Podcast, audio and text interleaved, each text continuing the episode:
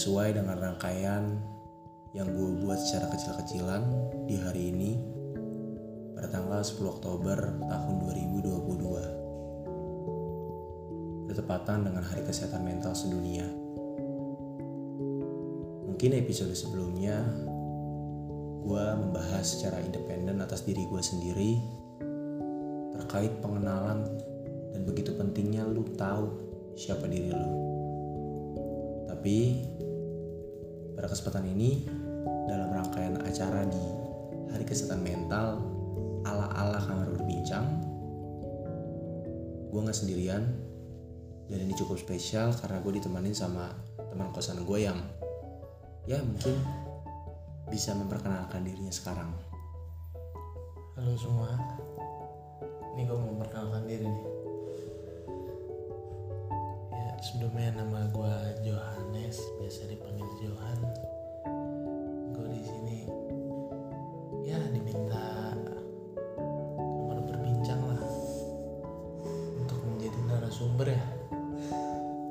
ya lebih tepatnya kita sharing aja lah kalau narasumber agak ada sekat gitu ya Johan ini eh, mungkin sebelum dari kita ngerekam ini udah sedikit banyaknya cerita lah tentang dia. Dan gue pun juga cukup kenal dia. Sampai akhirnya gue rasa cocok nih buat gue bawa di hari yang penting ini yaitu 10 Oktober ini mengenai tentang hari kesehatan mental. Cuman sebelumnya Jo eh, hal yang mendasar deh yang mau gue tanya ke lu. Di sini sekali lagi kita sharing dan menurut lu tuh kesehatan mental tuh seperti apa sih? Dari pandangan lu dari perspektif lu tuh seperti apa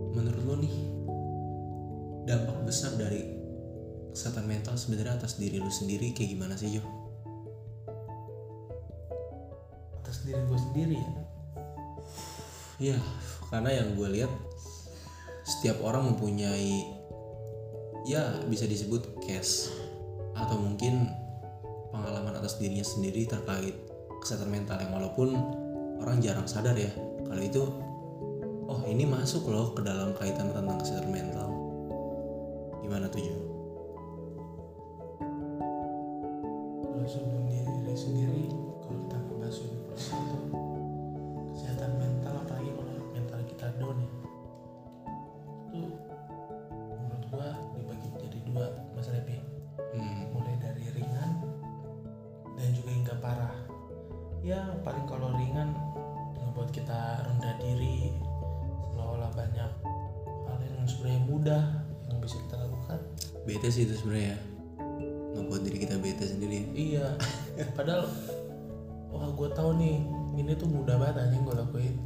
Bener -bener. cuman gara-gara gue udah down duluan gue jadi ngerasa itu sulit seolah-olah uh, ya gue nggak bisa aja ngelakuin hal itu ya. sementara kalau kita ngomongin yang parah ya itu bisa menyebabkan kita putus asa dan juga dalam beberapa kasus bisa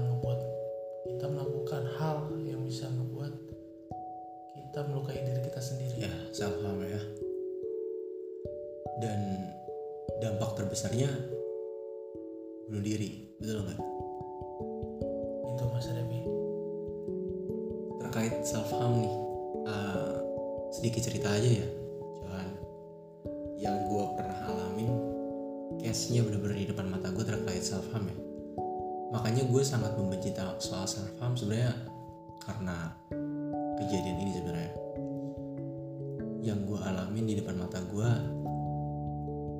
uh, salah satu mantan gue itu ngalamin self harm dan menurut gue di saat gue sharing ya sama dia dan orang-orang yang pernah di fase self harm ternyata itu pelampiasannya dia doang gitu loh. Sebenarnya emang nggak menyelesaikan masalah ya tapi emang dia mencari kebebasan dia mencari ketenangan di hanya saat. Nah dari pandangan lu nih soal self harm lu sepakat gak sih? Ya sebenarnya kalau dibilang sepakat pasti ya gue nggak tahu lu ya tapi menurut gue sebagian banyak orang nggak sepakat sih soal self harm tapi kalau lu sendiri gimana nih soal self harm itu sendiri? Agak berat ya perbincangannya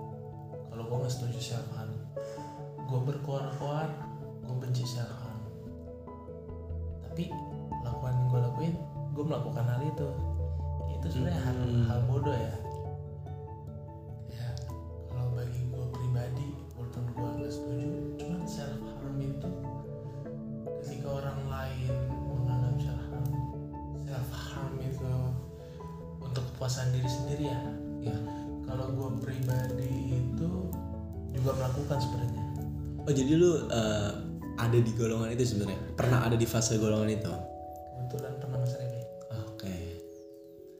Dan apa nih yang menjadi konsen lu di saat lu melakukan hal itu? Ini kalau sekali lagi di saat lu mau jawab jawab, di saat emang lu rasa ini enggak atau lu mau keep sebenarnya nggak apa-apa. Cuman balik lagi eh, tujuan gue sebenarnya untuk sharing seperti ini pandangan kepada orang-orang yang notabene mungkin masih ada di fase itu. Dan di saat lu sharing akhirnya orang itu pun sadar kayak oh ternyata bisa loh udah ada di fase yang nantinya gue lepas dari self harm itu gitu loh. Nah kalau gue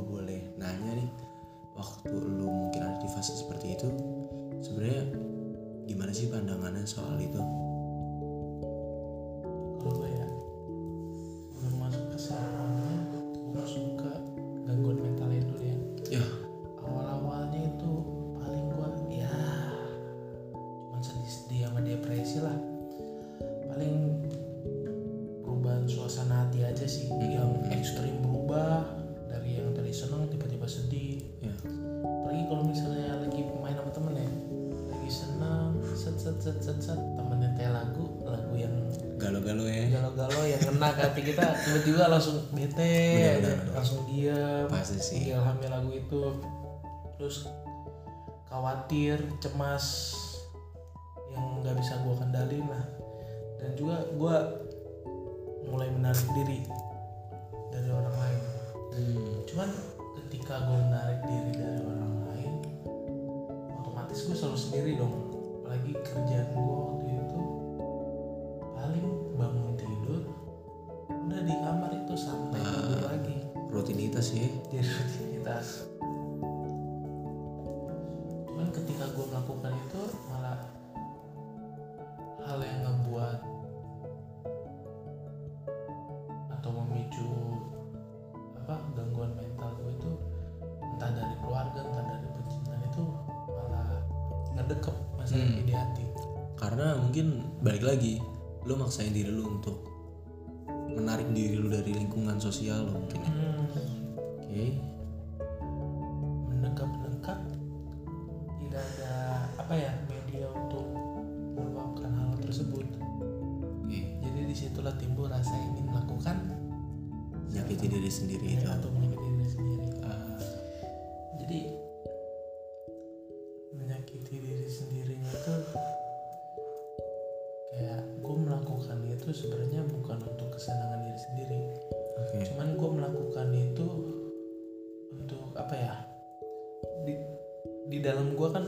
terlalu sakit lah rasanya. Oke jadi gue melakukan itu hanya untuk apa bahasa enaknya membantai lah. Hmm, itu bukan enak sih iya.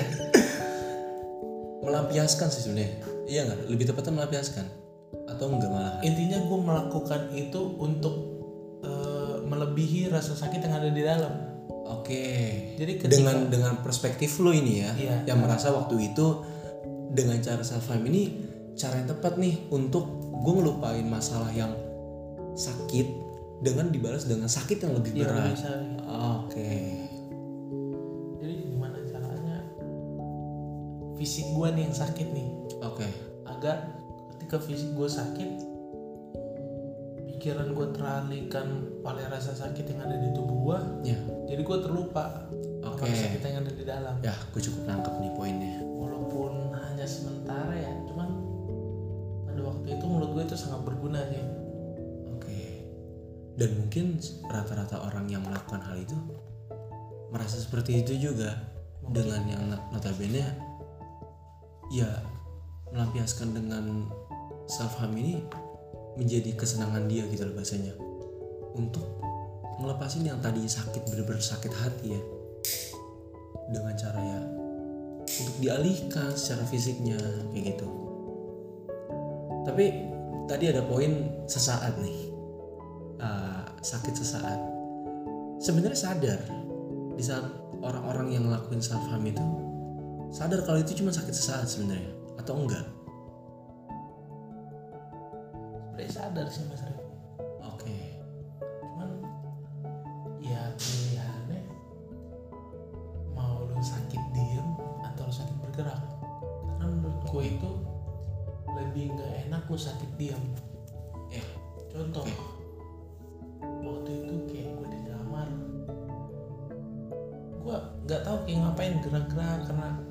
aja rasanya. Oke. Hati karena mikirin hal-hal yang ngebuat gue sakit itu. Jadi mau nggak mau ya gue melakukan sesuatu daripada gue sakit diem. Ah I see oke. Dan di saat lo akhirnya ngelakuin hal itu ada sedikit rasa puas karena lo udah mel- melampiaskan soal itu. Cuman nih eh, sebenarnya orang yang self harm akhirnya dia sadar kalau itu hal yang ya bisa dibilang konyol ya. Ya ya kalau gue juga mengatakan kalau misalnya konyol.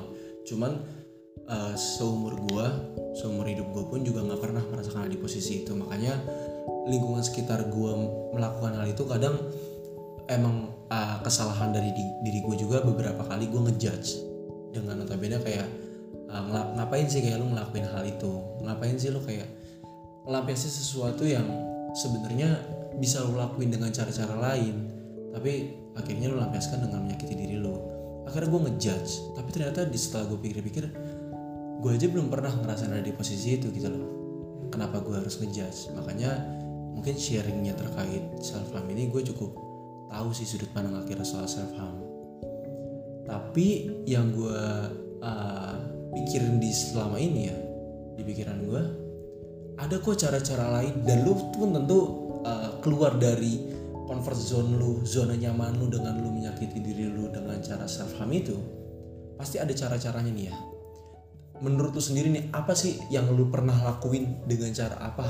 Sampai akhirnya lu bisa di posisi yang sekarang lu bisa sedikitnya ngerti oh self harm itu nggak bagus dan akhirnya gue perlahan-lahan berhenti. Itu gimana tuh kalau dari pandangan lu yang pernah lu lakuin? Mungkin dari omongan lu ucapan lu dari teman-teman yang ngedenger ini bisa sedikitnya punya pandangan oh gue juga bisa kok ngelakuin hal itu kalau gue ya uh, pertama itu kita melakukan sesuatu okay. melakukan sesuatu sebagai contoh paling gampang itu rutin olahraga karena okay. menurut gue ketika lo udah capek terlalu capek karena olahraga otomatis olahraga kan itu capeknya capek Ya. sehat. pasti pasti. Jadi kita udah gak ada pikiran untuk melakukan hal-hal yang enggak-enggak oke. Nah kedua itu bicara dengan seseorang. Lu luapin ke orang. Tapi ingat teman-teman orangnya itu kalau bisa orang yang bisa dipercaya. Eh, jangan sembarang orang yang ke mana-mana bocor Eh. bocor. karena ya balik lagi setiap manusia dinamis ya karena lu juga belum tahu orang-orang yang notabene ya apakah orang itu bakal tetap keep cerita lu atau enggak ya nggak sih? Mm-mm. terus selanjutnya itu kita harus bisa latihan relaksasi sih. Jadikan waktu luang kita itu dan kontemplasi sebagai prioritas. Hmm, jadi ya lo harus punya schedule lah di dalam kehidupan lo oke. Apa things to do lah kalau zaman sekarang orang tapi soal tentang uh, relaksasi ya mungkin ini uh, sedikit out of topic bukan out of topic tapi masih korelasi lah terkait relaksasi. Uh, gue pernah baca satu poin uh, di salah satu artikel juga di mana ada ini Jo soal hal-hal yang mungkin lu bisa ngelakuin dengan menyakiti diri lu tapi nggak dengan cara menyakiti diri lu. Contohnya adalah uh, lu ngegenggam es batu. Itu salah satu bentuk menyakiti diri tapi itu sebuah relaksasi ternyata. Kemudian ada yang lebih normal senormal normal adalah butterfly hugs kita nyebutnya. Di mana lu setiap sebelum tidur lu kayak mencoba memaafkan diri lu. Itu kan salah satu poin untuk relaksasi kan. Akhirnya lu introspeksi nih ke diri lu. Terus abis itu lu ngelakuin hal yang disebut butterfly hugs itu dengan cara lu memeluk diri lu itu mungkin buat teman-teman sendiri yang cerita apa yang ngedengerin juga. Ayah ada setidaknya knowledge juga lah soal tentang relaksasi yang tadi disebutin oleh Johan ini ya. Next Jo apalagi nih menurut lo? Hal-hal yang mungkin bisa jadi option untuk orang yang masih ada di apa ya bisa disebut lingkaran setan ya? Orang-orang yang Setan. iya pastinya. Gimana tuh? Ini terakhir dari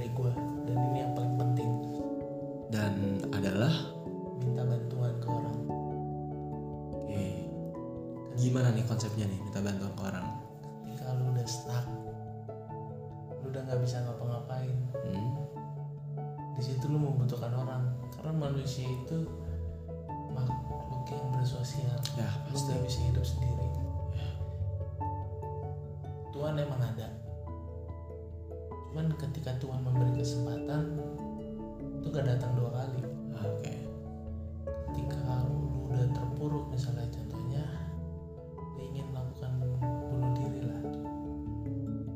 Tuhan membantu sekali. Oke cuman kedua kali lu Tuhan gak bakal bantu.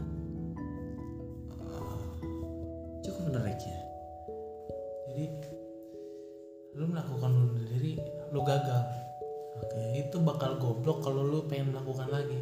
Oke. Ketika lu udah gagal itu udah kisi-kisi dari Tuhan kalau lu tuh butuh orang. Oke.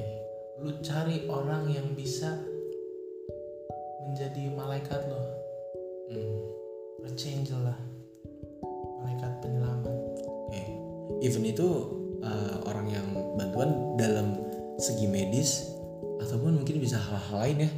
Ya contohnya uh, kenapa gua ngebangun kamar berbincang ini? Mungkin tentunya kan pa- pasti ada proses ya dari kebentuknya kamar berbincang ini. Gue yang jadi tujuan adalah satu sih karena itu poin yang tadi disebutin terkait minta bantuan. Yang gue tangkap adalah banyak orang yang di fase seperti itu mereka merasa akan dirinya sendiri. Dan itu yang gak gue sedikit gak gue suka ya. Makanya pernah gue sampai ngucap soal extrovert introvert segala macam halnya atas kesendirian dirinya ya kalau introvert itu. Itu membuat gue cukup uh, resah sih. Makanya kenapa gue ngebuat kamar berbincang ini?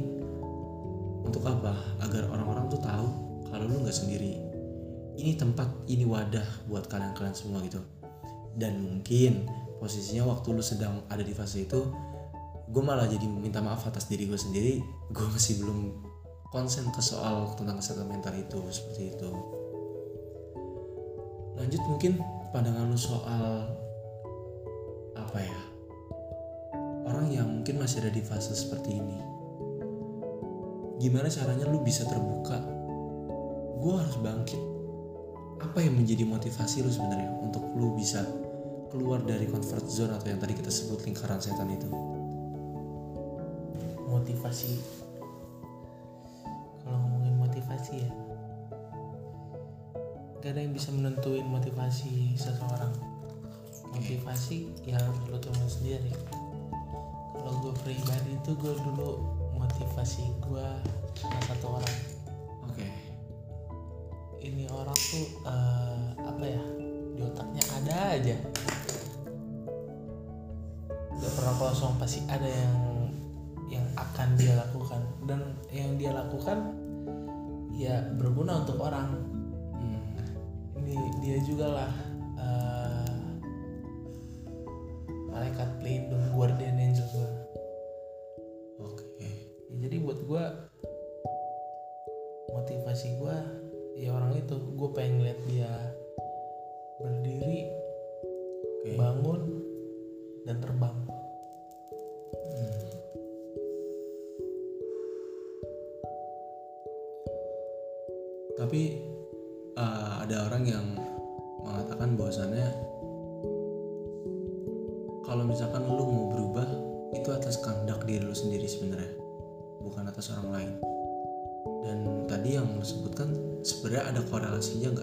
statement itu atau malah bertolak belakang? Ber- ada korelasinya dong. Oke. Karena gue berkehendak atas diri gue sendiri untuk melihat orang itu bangkit. Eh bukan. Sorry. Untuk melihat orang itu sukses. Hmm. karena ketika dia sudah membantu gue ya kalau gue analogiin lah di anime Boruto ya. Ada namanya Mitsuki itu ini agak agak emang agak uh, analogi atau topik? Ya karena emang gue nggak sebenarnya nggak nggak interest sama apa itu anime ya jatuhnya ya.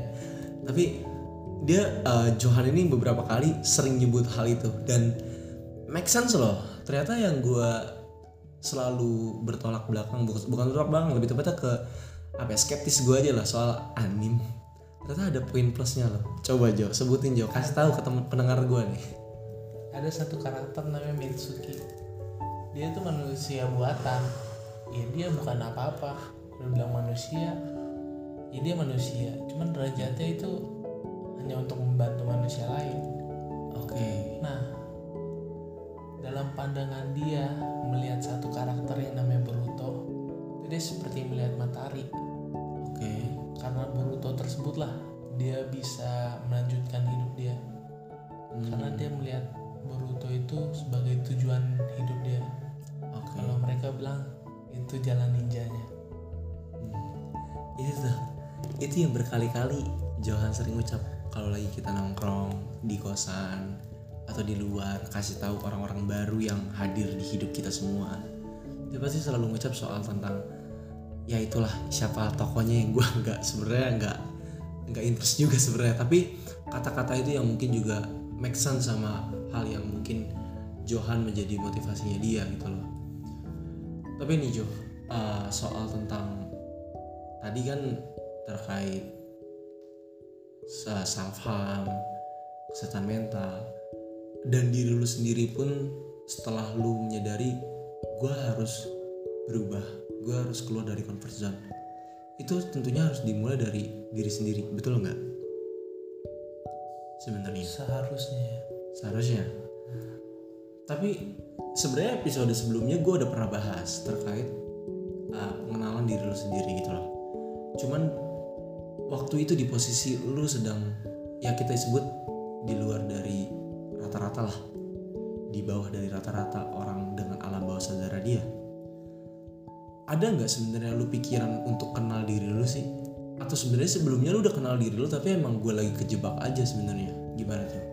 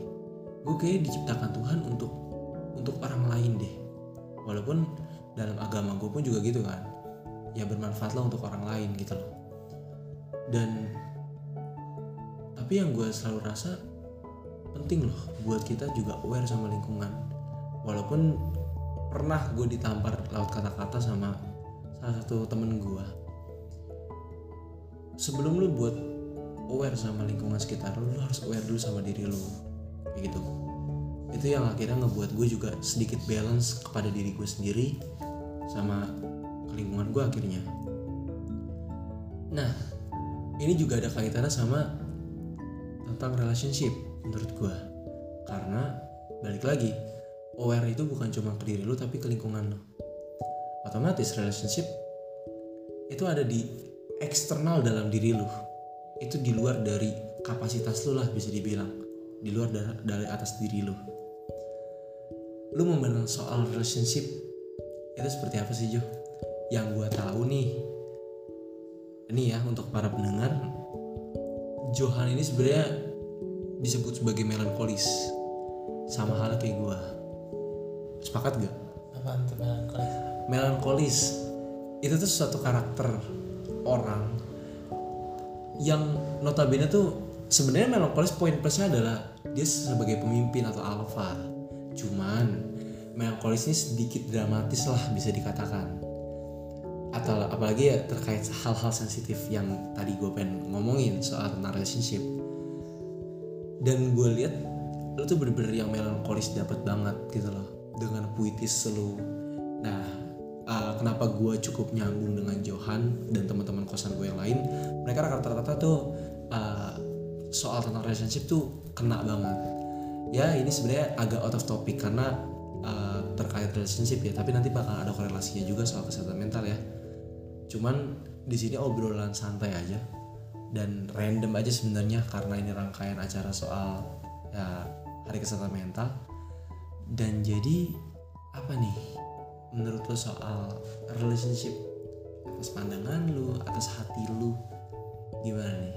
Soalnya kan tadi yang kita lihat beberapa kali lu selalu ngucap ada seseorang ada seseorang atau gimana terkait tentang lu bisa bangkit wake up ataupun hal yang ngebuat lu bahkan hancur gimana tuh? Sebenarnya relationship itu luas mas oke. Dari st- eh, secara harfiah aja relationship itu kan hubungan ya. Ya. Kalau menanyakan hubungan gue sebenarnya agak rancu nih. Hubungan terhadap siapa? Oke, kalau misalkan gue mau menjerumuskan yang ya seumuran kita lah 18 tahun, 19 tahun, bahkan remaja-remaja, bahkan sampai orang dewasa lo merasakan. Pastinya hal yang terberat bukan cuma soal hubungan terkait manusia dengan manusia, tapi soal lebih terfokusnya ke percintaan sih kalau menurut gue. bukan terkait manusia dengan manusia percintaan itu manusia dengan mas- manusia mas Tapi lebih konsennya kan pasti ke percintaan ini. Manusia kan banyak, romansa ya romansa romansa kehidupan. Setelah satu satu, satu tahun nih ngejalanin perkuliahan ya tiga tahun lu pernah ngalamin di fase SMA yang notabene itu jadi impian semua anak anak-anak kecil. Gue pengen jadi anak dewasa gue pengen jadi anak remaja yang bisa bebas. Gimana nih menurut lo nih? Berarti itu kita harus balik dulu ke masa lalu mas. Silakan gimana tuh kalau ngomongin cinta ya cinta itu pasti nggak jauh-jauh dari cinta pertama oke Oke. semua orang pasti punya cinta pertamanya Ya pasti. Dan gue pun juga sebenarnya. Gimana tuh? cinta pertama gue itu dari gue awal masuk SMA ini bener-bener awal banget mas Oke. pas apa kalau perkenalan itu Mos. sih ya kalau Iya. di kita PKKMB lah Ya ospek lah. Kalau kalau kuliah pasti ospek kan. Iya. Ada satu cewek yang notabene gimana ya? Gue kan ini dari SD, SMP tuh gue swasta mas. Oke. Jadi gue ngeliat orang-orang yang hype, yang yang ke mana-mana nggak ya intinya kalau istirahat nggak pernah beli batagor atau somai lah Introvert nih lo gitu tuh. nggak lebih tepatnya kalau misalnya lu istirahat lu mesennya KFC Wajir. Kayaknya kalau gue sendiri ya. Ini orang beda standar sama gue. iya gitu lo pun juga ngerasa kayak gitu pasti. Hmm, cuman mau nggak mau dong kita harus berbaur dengan lingkungan kita Pasti dong. Lanjut. cuman pas gue masuk SMA itu gue di negeri semua orang yang dari awalnya swasta tiba-tiba ke negeri itu pasti kagok mas Ya. Betul.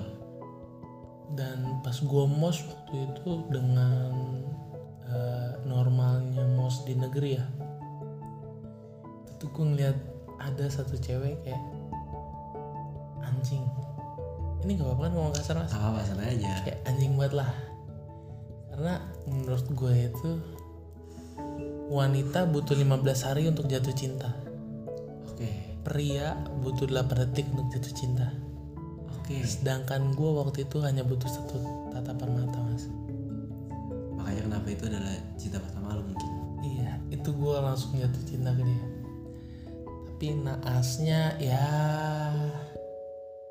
karena gue itu 2004 tapi teman-teman sangkatan gue 2003 ya gue malah terjebak di zona kakak beradik Perbedaan umur ya anjing juga ya. iya Lalu gimana nih? ya tanpa disebutkan namanya gue biasa memanggil dia itu cece atau kakak Hmm. dia orang-orang yang benar-benar apa ya beda dari teman-teman gue yang lain ketika ti- eh, ketika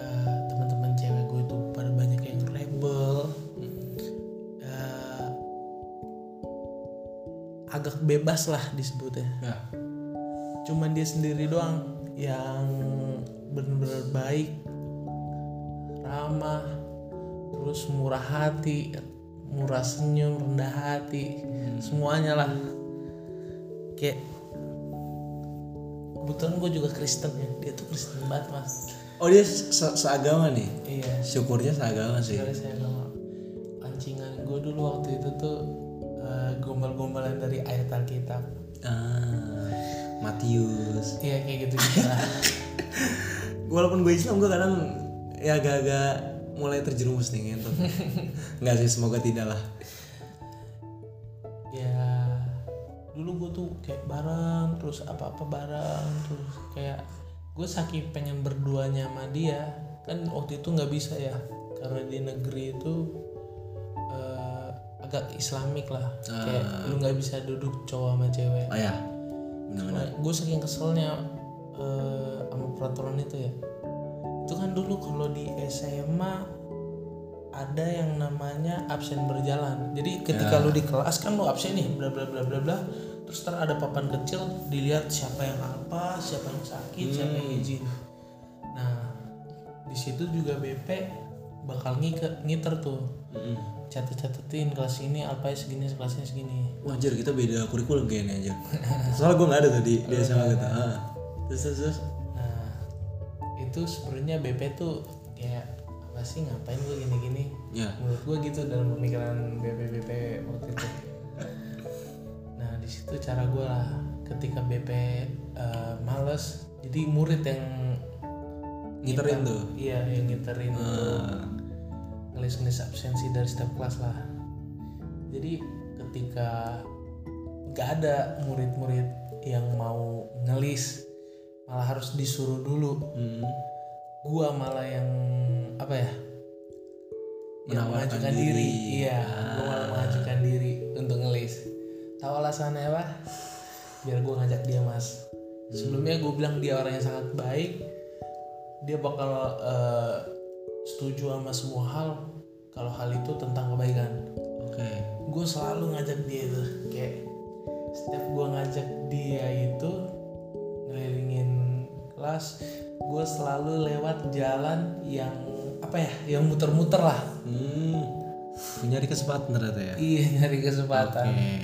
Dan ketika gue jalan untuk mengelilingi kelas-kelas yang lu bilang sebelumnya ya kita kan orang yang melankolis ya.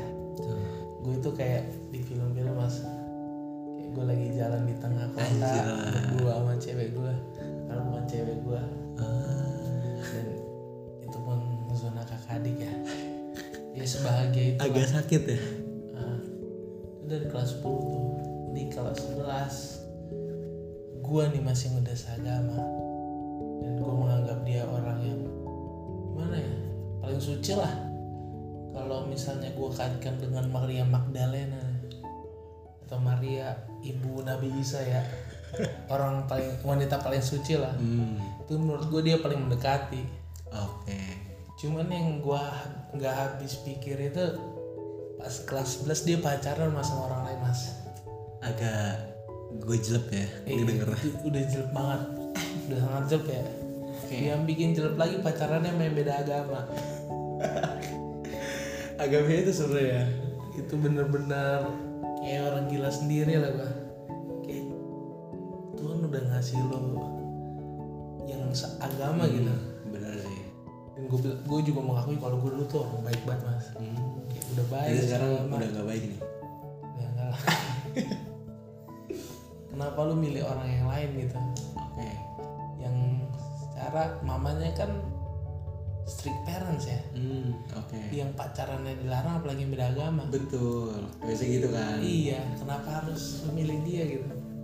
nah cuman nih eh, yang gue tangkep ya sesingkat lu tadi nyeritain soal ya kita sebut first love lah dan next mungkin gue sama lu bakalan ngobrol lah soal first love lebih jauh ya tapi kalau lu lihat nih ya soal tentang relationship tadi pasti kan ada satu perjuangan ada satu hal yang akhirnya ngebutain lu gitu loh. Untuk kayak ngejar terus ke dia.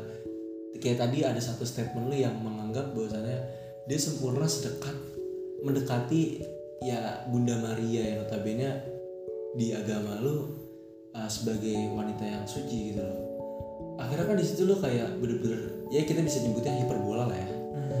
Itu akhirnya lu melakukan segala cara untuk memuji dia untuk melakukan sesuatu yang sebenarnya bener-bener di luar dari orang biasa lakuin gitu ya ke dia. Nah yang tadi gue bilang pasti pembahasan kita pada hari ini ya itu pasti akan tetap korelasinya sama kesehatan mental. Dari relationship yang udah lu jalanin nih dari segala macam perjuangan lu ada nggak faktor yang akhirnya kena nih?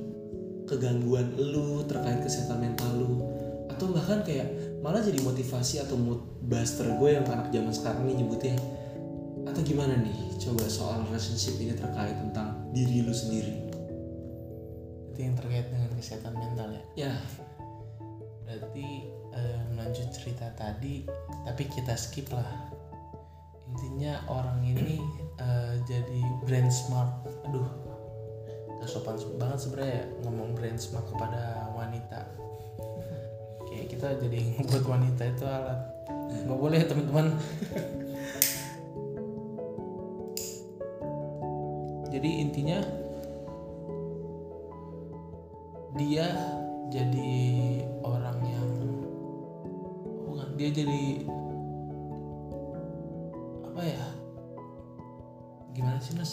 enaknya mood buster kah? Bukan. Intinya dia jadi kalau bilang ciri apa? Jadi tipe gua lah oke. untuk ke depannya. Oh orang Kriteria. ya kriteria dia jadi kriteria gua. oke. makanya itu gue bilang brand smart. Oke. Jadi patokan. Patokan. tah ya tah. jadi patokan. Lulus SMA kuliah kita itu di kuliah sebenarnya dari awal gue udah deketin satu cewek. Oke. Itu bener-bener baik hampir sama kayak dia. Cuman secara fisik ya gue bukan ngomong baik atau buruk tapi gue ngomong kemiripan fisik. Itu nggak mirip sama sekali. Oke. Dari tinggi wajah bentuk badan itu nggak ada mirip-miripnya dan itu udah lagi udah tadi banget mas. standar lo itu. Ah iya standar. dengan kapasitas apa dengan kriteria lo atau patokan lo tuh si orang pertama yang tadi ini. Nah, oke. Itu dua bulan atau tiga bulan gue lupa setelah gue kuliah. Kita atau teman-teman kita kita ngelakuin first meet. Waktu itu ya kalau bisa diingat kita ngelakuin first meet. Di situ pas gue first meet gue kembali jatuh cinta mas. Oke. Dengan satu tatapan mata. Oke. Apa nih eh, yang jadi eh, pertimbangan lo di saat lo udah menganggap bahwasannya sebenarnya ini belum masuk ke kriteria gue nih. Sedangkan gue masih membanding-bandingkan orang lain untuk sama nih kayak si orang yang sebelumnya. Sampai akhirnya lo berani lagi untuk jatuh cinta dan akhirnya mungkin bakalan berdampak resikonya atau efeknya nih di saat gue memaksakan atau gimana kenapa Iya, maksud gue di poinnya lebih gini lah. Lo kan akhirnya mau untuk jatuh cinta lagi kan Nah, di pada saat lo kuliah. Kemudian sedang eh, sedangkan ya, sedangkan di posisinya tuh waktu itu masih membanding-bandingkan gitu loh. Lo punya kriteria sendiri, lo punya standaritas lo sendiri terhadap cewek. Jatuhnya maksain gak lo sebenarnya buat jatuh cinta waktu itu? maksain deh Maksain. Sampai akhirnya berdampak nggak sebenarnya ke diri lu atau ke ya balik-balik itu ke kesehatan mental lu? Atau ke anjir gue kayak nyesel sendiri atau atau malah gue bersyukur gitu loh ketemu dia. Akhirnya standaritas yang sebelumnya pas SMA gue bentuk hancur nih. Kayak gue ya dia normal-normal aja ngelihat cewek. Gimana tuh pandangan lo jadi berdampak. Dampaknya itu kayak yang awalnya gua membuat patokan atau standaritas gua yang begini cuman ketika gua mendapatkan orang yang standarnya atau eh, apa ya udah sama lah sama yang Oke. di masa lalu gua malah terlalu dalam. Oke. Sebelumnya gua disclaimer dulu cinta itu indah mas oke tapi kebinasan yang mengikutinya. Anjir.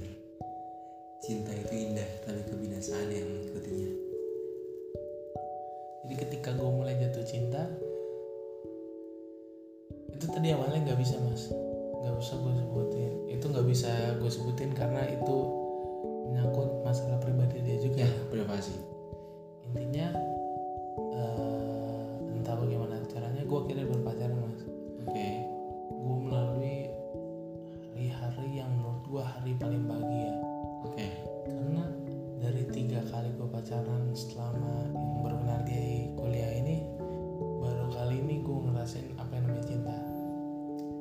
padahal lu menganggap first love lu adalah yang dulu sebenarnya. iya Oke. cuman kan sama yang dulu bertepuk sebelah tangan mas Betul. sama yang ini kebetulan tidak Oke. karena kita waktu itu sempat. Sampai akhirnya lu nemu titik oh ya ini gitu gue baru nemu cinta ini di sini gitu loh.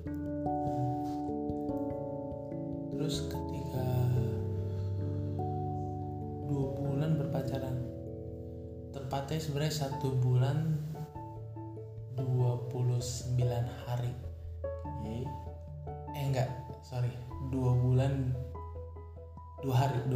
hari iya Agak detail ya. itu dua bulan dua hari soalnya aku ingat waktu itu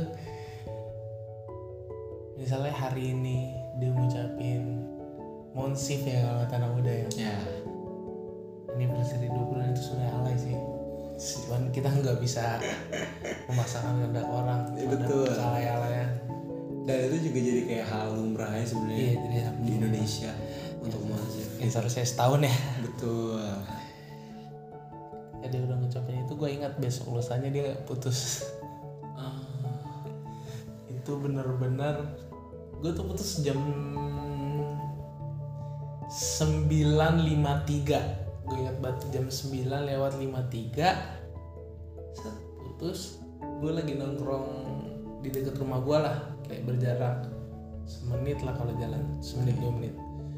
953 955 gue nyampe rumah 959 itu gue keluar motor jam 10 pas gue berangkat ke Bandung. Itu gue gue Kristen mas tapi gue puasa. Cuman gara-gara dia. Eh itu. Ada hal-hal kecil yang nanti bakalan pengen gue omongin lah uh, setelah lu mungkin cerita dulu.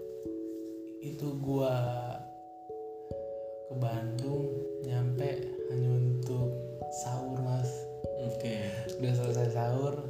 ketemu dia gue cuman pengen ngeliat ya bagaimana Bandung dan membayangkan bersama dia ya. Kalau udah putus tuh posisinya gue balik. Itu pertama kali gue melakukan self harm Hmm. di situ saking sakitnya gue bener-bener kayak besok pengen turnamen tinju mas. Cuman ketika orang pengen turnamen tinju pakai sarung tinju sama nonjok samsak gue nonjok tembok. Oke. Dengan tangan kosong yang benar-benar nggak pakai apa-apa.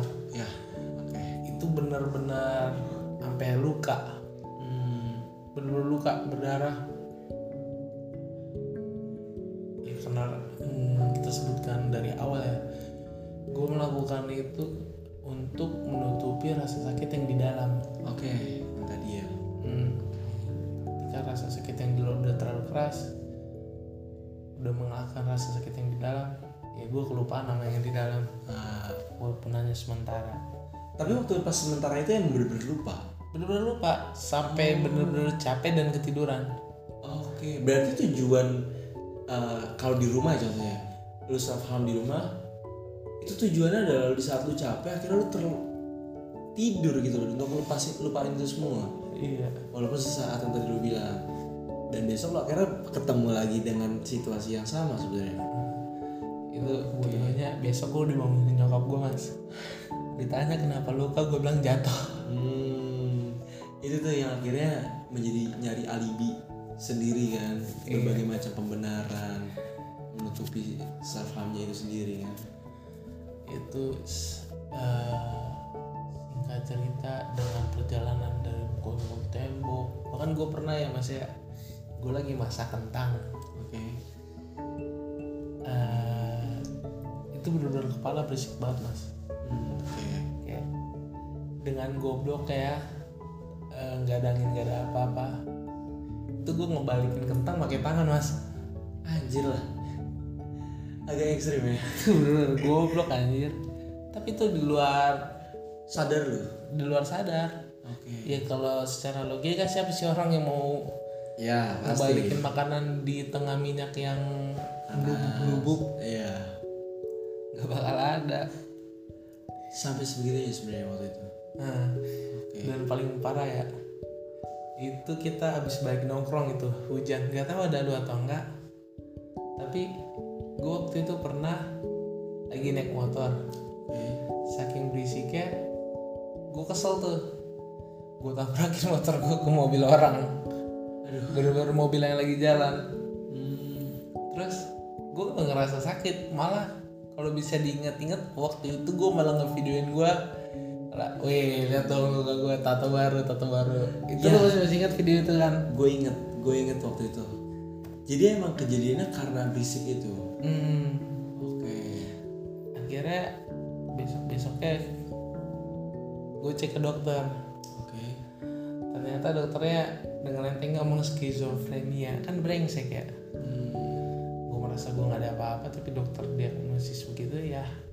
Ya, kadang uh, emang har- perlu ada pilihan yang tepat dan dengan orang yang tepat ya. Hmm, untuk menentukan bahwa lu sebenarnya sakit atau enggaknya itu ya lu harus tahu tempatnya di mana gitu loh. iya. Di saat lu tempat yang salah pasti akhirnya ngebuat lu semakin terpuruk sebenarnya. Itu sih yang menurut gua jadi mungkin apa ya warning juga buat uh, pen- pendengar nih. Kalau misalkan emang harus pilihan atau orang yang tepat untuk lu bercerita, untuk lu sharing apakah lu bener uh, terkena penyakit itu atau enggak karena yang ditakutkan adalah uh, yang pernah gue alamin sebelumnya yang pernah sering gue ceritain di sini yaitu gue self diagnosis waktu itu uh, dan case nya pun nah itu ya sebenarnya jadi korelasi terkait relationship sama uh, kesehatan mental. Karena yang gue rasa uh, beberapa situasi orang itu menganggap relationship itu bener-bener yang terpuruk banget. Gue pun juga ngalamin hal yang sama. Waktu pas waktu itu lagi uh, terpuruk-terpuruk ya karena relationship uh, soal romansa akhirnya gue mendiagnosa diri gue sendiri. Itu kesalahan terbesar gue dan tepat hari ini di tahun 2020 gue coba ngelupain hal itu dan ya alhamdulillah jadi gue yang sekarang gitu loh dan lanjutin kalau misalkan uh, menurut pandangan lu lagi soal tentang dari cerita lu segala macem sampai akhirnya lu berujung kepada self harm dari segala sakit yang pernah lu terima waktu itu sama uh, salah satu uh, mantan lu berarti ya Iya. tersebut dan kemudian di titik mana nih lu mulai bisa oke gue cukup dari persoalan-persoalan uh, romansa ini dari persoalan-persoalan self harm ini di titik mana lu akhirnya oke gue cukupin ini semua. Tapi ketika ke psikiater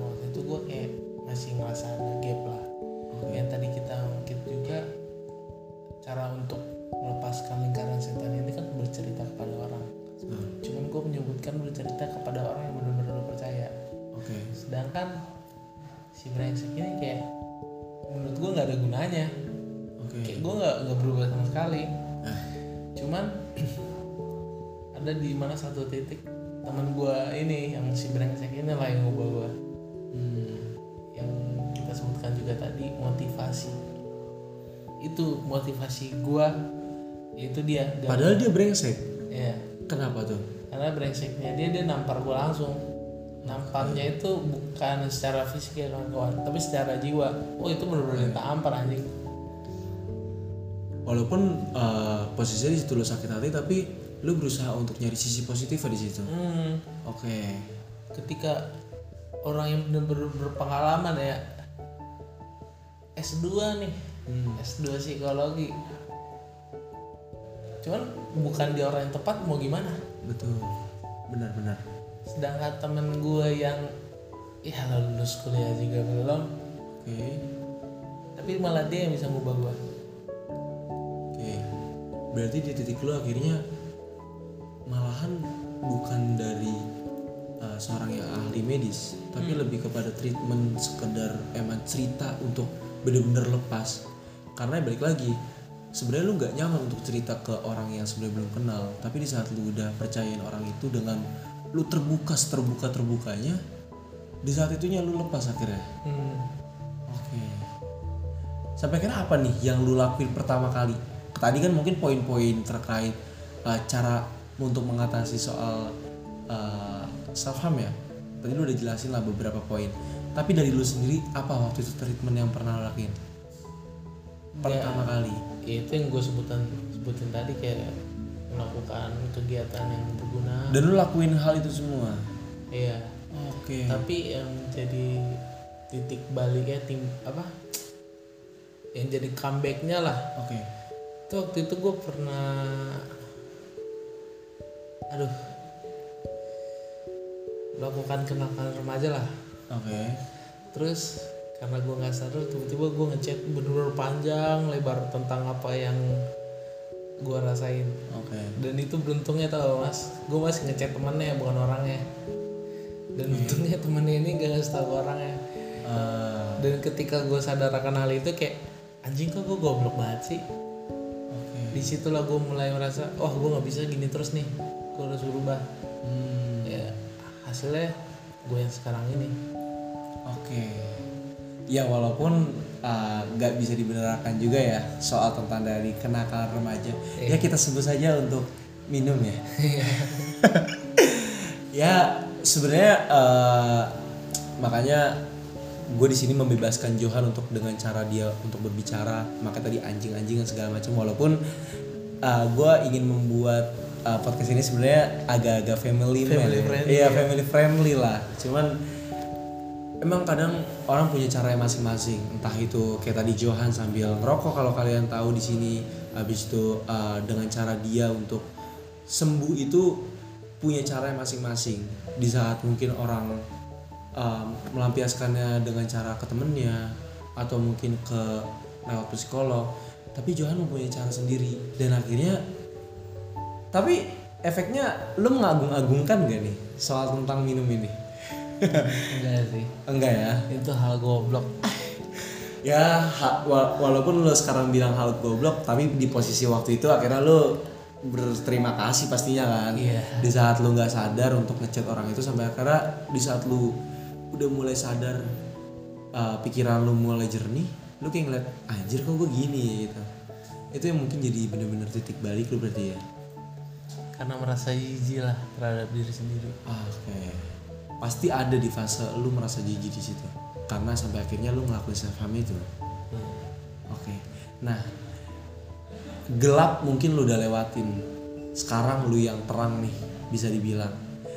Kalau lu cerita dengan flashback yang tadi sepanjang itu kita ceritain apa perasaan lu?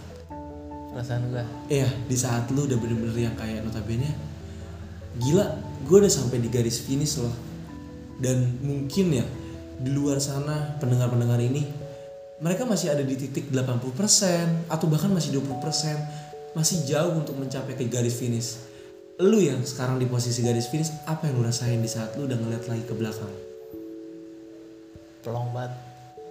Dan dengan pelong gua ya gue jadi bisa ngegampar orang secara jiwa.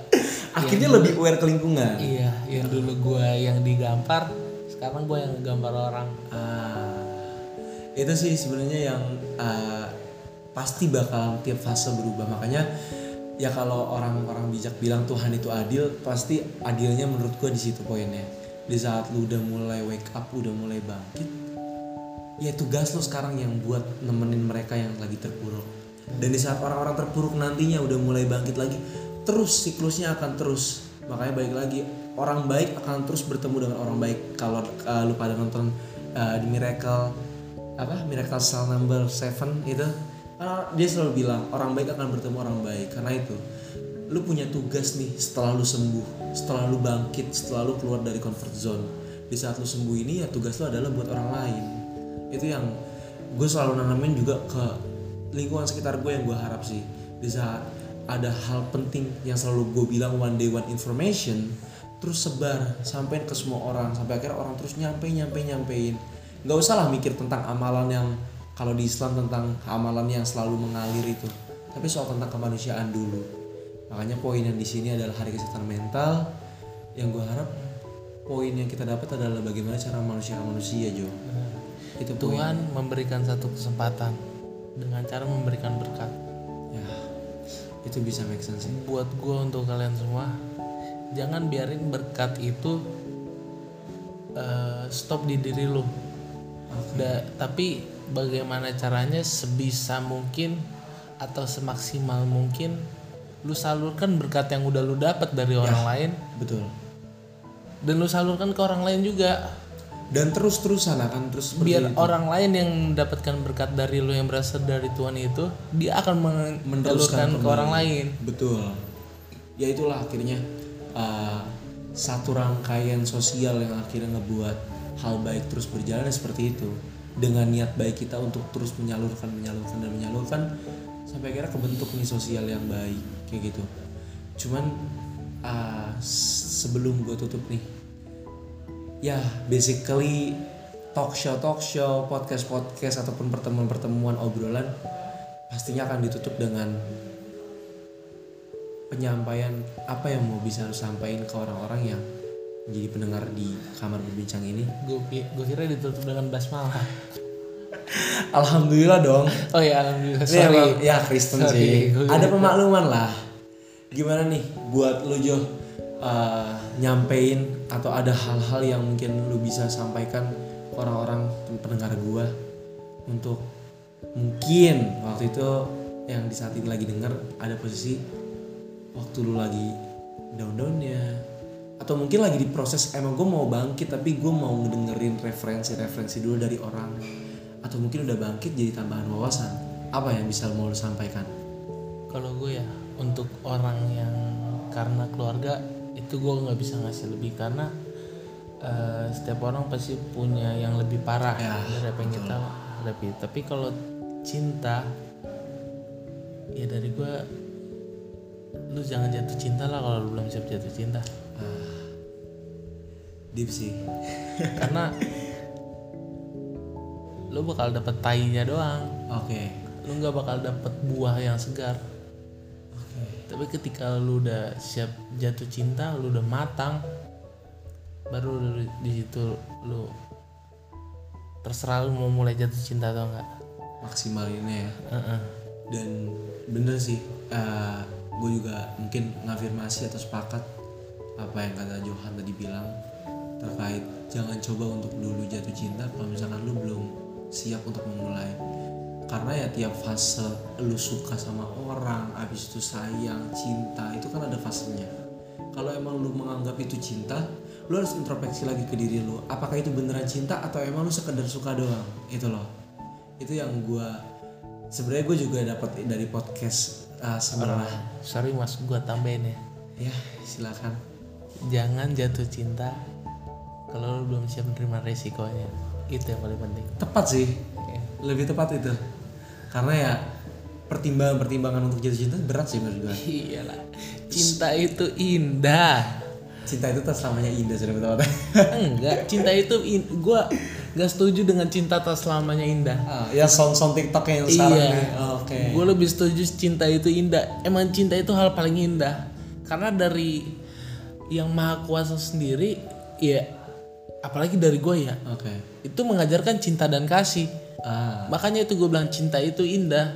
Cuman emang benar kebinasaan yang mengikutinya. betul Ketika dan baik lagi menghadapi resikonya itu harus dihadapi kan? Dan resikonya siap. itulah yang kebinasaannya. betul. Dan harus siap. Kalau emang lu belum siap yang jangan mulai dulu. Oke. Nah nih buat ah, teman bincang nih yang gua tangkap banget dari Johan itu masuk korelasi tentang relationship. Sebenarnya sebelum tadi kita nge-record ini kita sempat uh, briefing dulu soal apa yang mau kita bahas. Ternyata Johan mengajukan soal relationship karena menurutnya relationship itu masuk dalam korelasi tentang kesehatan mental.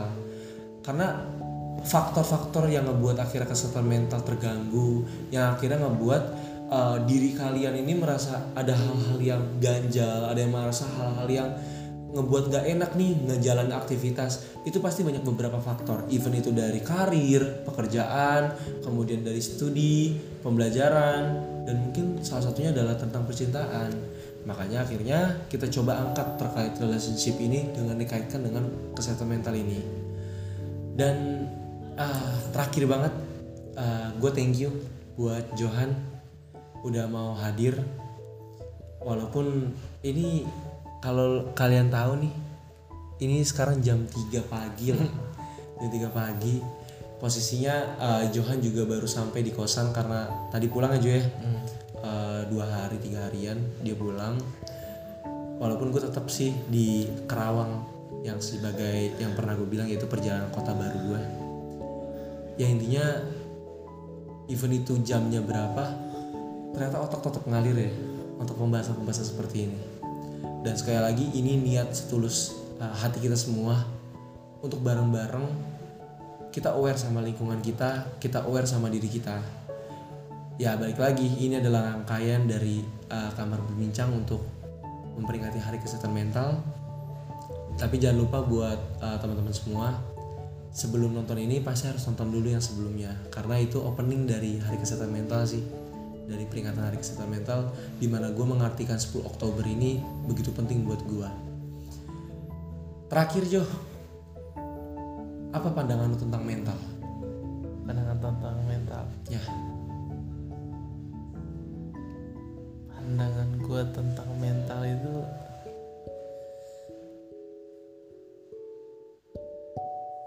mental itu hal yang harus lu jaga. Oke. Sampai titik darah penghabisan. Karena ketika lu udah nggak bisa jaga mental lu lu bakal buyar atas kehidupan lu sih. Oke. Karena korelasinya ke semuanya ya Iya. pastinya. Oke semua uh, kamar berbincang pamit Aku bang mau terima kasih bang. gimana tuh Aku mau terima kasih kepada pendengar. Semoga sehat selalu, bahagia selalu, dan dijauhkan dari kesehatan mental ya. Eh sorry, kesehatan mental itu bukan hal yang buruk. Dijauhkan dari gangguan kesehatan mental itu yang benar. Di- Terus terima kasih juga Guardian Angel, Mas Revi. Akhir kata sangat cinta. Bye. agak tai ya sebenarnya. Akhirnya kesebut namanya kayak tai sebenarnya dan oke uh, thank you buat uh, teman-teman semua yang ma- udah mau dengerin di episode uh, ketujuh berarti ini ya. Dan ini jadi rangkaian kedua berarti episode kedua dari rangkaian Hari Kesehatan Mental memperingati Hari Kesehatan Mental. Dan uh, mungkin kita cukupkan. Salam dari gua Revi Alamsyah di kamar berbincang